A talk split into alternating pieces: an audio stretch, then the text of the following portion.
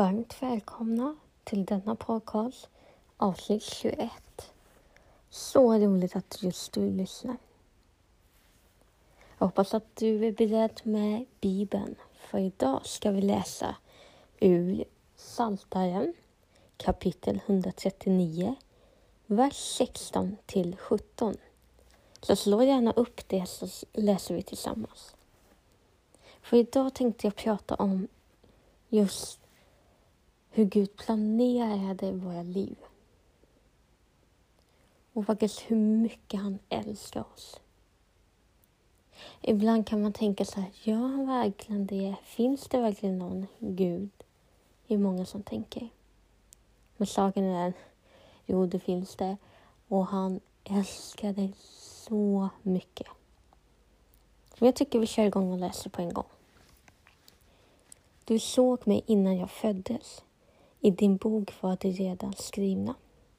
De dagar som hade formats innan någon av dem hade grytt. Dina tankar, och Gud, är för höga för mig. Väldig är deras mångfald. Alltså det här tycker jag är så fantastiskt.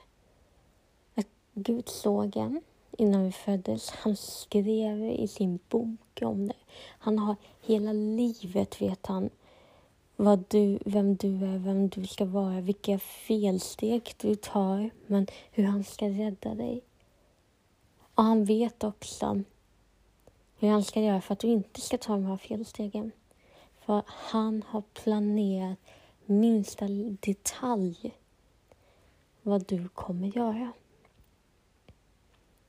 Och det är för att han älskar dig. Du är hans barn. Det är Gud pappa som har skrivit den här boken. Och det är världens bästa bok. Det är en sån fin bok som ingen kan slå.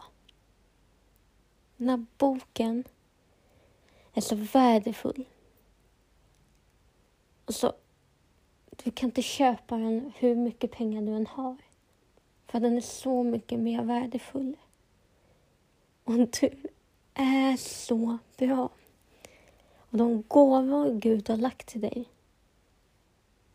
är så fantastiska. Och jag vet att man tänker ofta så här, men vad är det för gåvor? Varför ska jag ha dem? Och gåvor är oftast, oftast är de gåvor som är tanken med du ska använda är ju saker som du är väldigt duktig på. Och det finns var och en, om man, även om man inte alltid förstår det. Och det får man be till Gud. Be Gud att visa. Vad är min gåva? Vad ska jag göra med mitt liv? För saken är att gåvor vi får, jag tror inte att gåvorna är något som är bara för att man är duktig på någonting eller gör någonting. Enda anledningen varför vi har gåvor, det är för att de ska användas. Det är det sättet vi ska predika, göra folk till lärjungar. Och när jag säger predika så menar inte jag stå och liksom prata, utan predika kan man göra på många sätt. Vissa gör det genom musik. Vissa är meningen att du ska städa för att få kontakt med människor. Vissa gör det via film, som jag gör. Vissa gör det med, med en god mat, att du är så duktig på att laga mat. Och jag tycker det är så viktigt att ta upp de här små grejerna. Så, så viktigt att ta upp att du som är hemma, du som städar, du är fantastisk. Man kan lätt tro att ja, men det, det gör väl ingen nytta. Jag tycker det är kul, liksom, men det gör ingen nytta. Men det gör så mycket nytta. Du är så värdefull och du behövs där. Så glöm inte, du behövs där. Du får inte glömma det. Du är helt fantastisk. Jag har oftast undrat så här, Vad ska jag göra med mitt liv? Jag är så värdelös, jag klankar ner på mig, jag hatar mig själv i perioder. Någonting som Gud inte gillar. Och det är klart han inte gillar att sitt egna barn har ett hat mot sig. För han älskar ju en så mycket vad jag känner som, men det här med podden, det här med filmning och sånt, det är verkligen mitt sätt.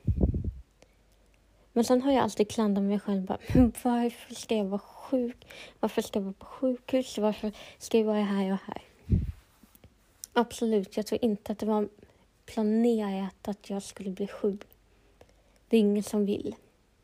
Och Gud vill inte det, för Gud vill se oss friska och glada. Och han skulle aldrig göra någonting som inte vi klarar av. Han skulle aldrig ge uppgifter som gör att vi faktiskt inte klarar av det. kan vara jobbiga uppgifter, men i slutändan så är det något bra av det. Så därför Gud ge oss det.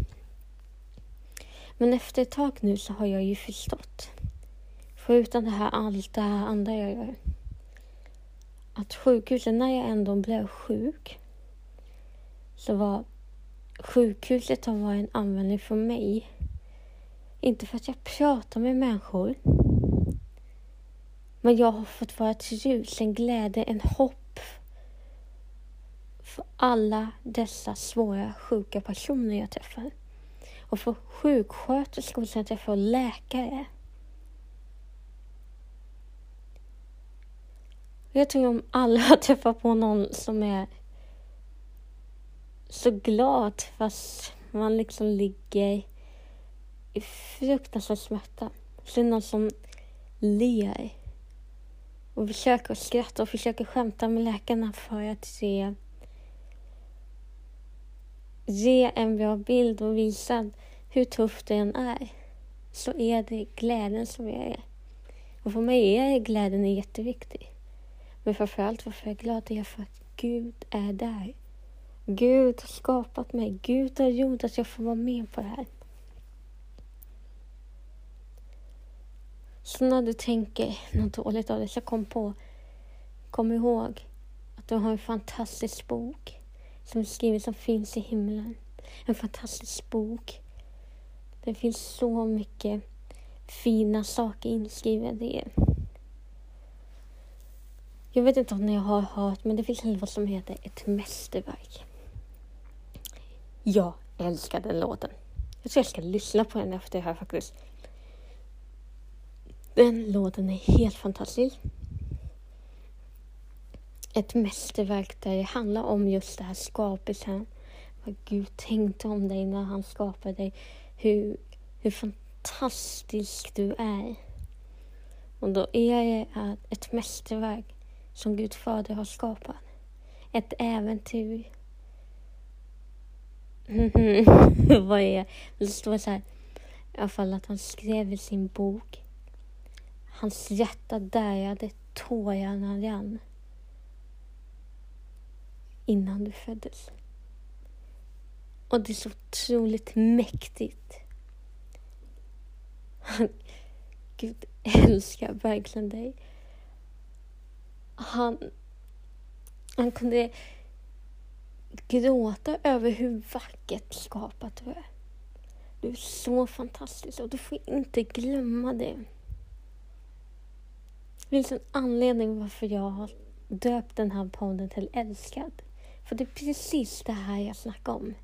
Hur älskad du är, hur värdefull du är. Hur Gud har skapat just dig. Och du får aldrig, aldrig glömma att du är så värdefull. Alltså, vilken gåva du är. Tack för att du fortsätter kämpa. Och tack Gud för att du har skapat dig som sitter och lyssnar. Tack Jesus. Du är fantastisk och en är så älskad. Glöm aldrig det.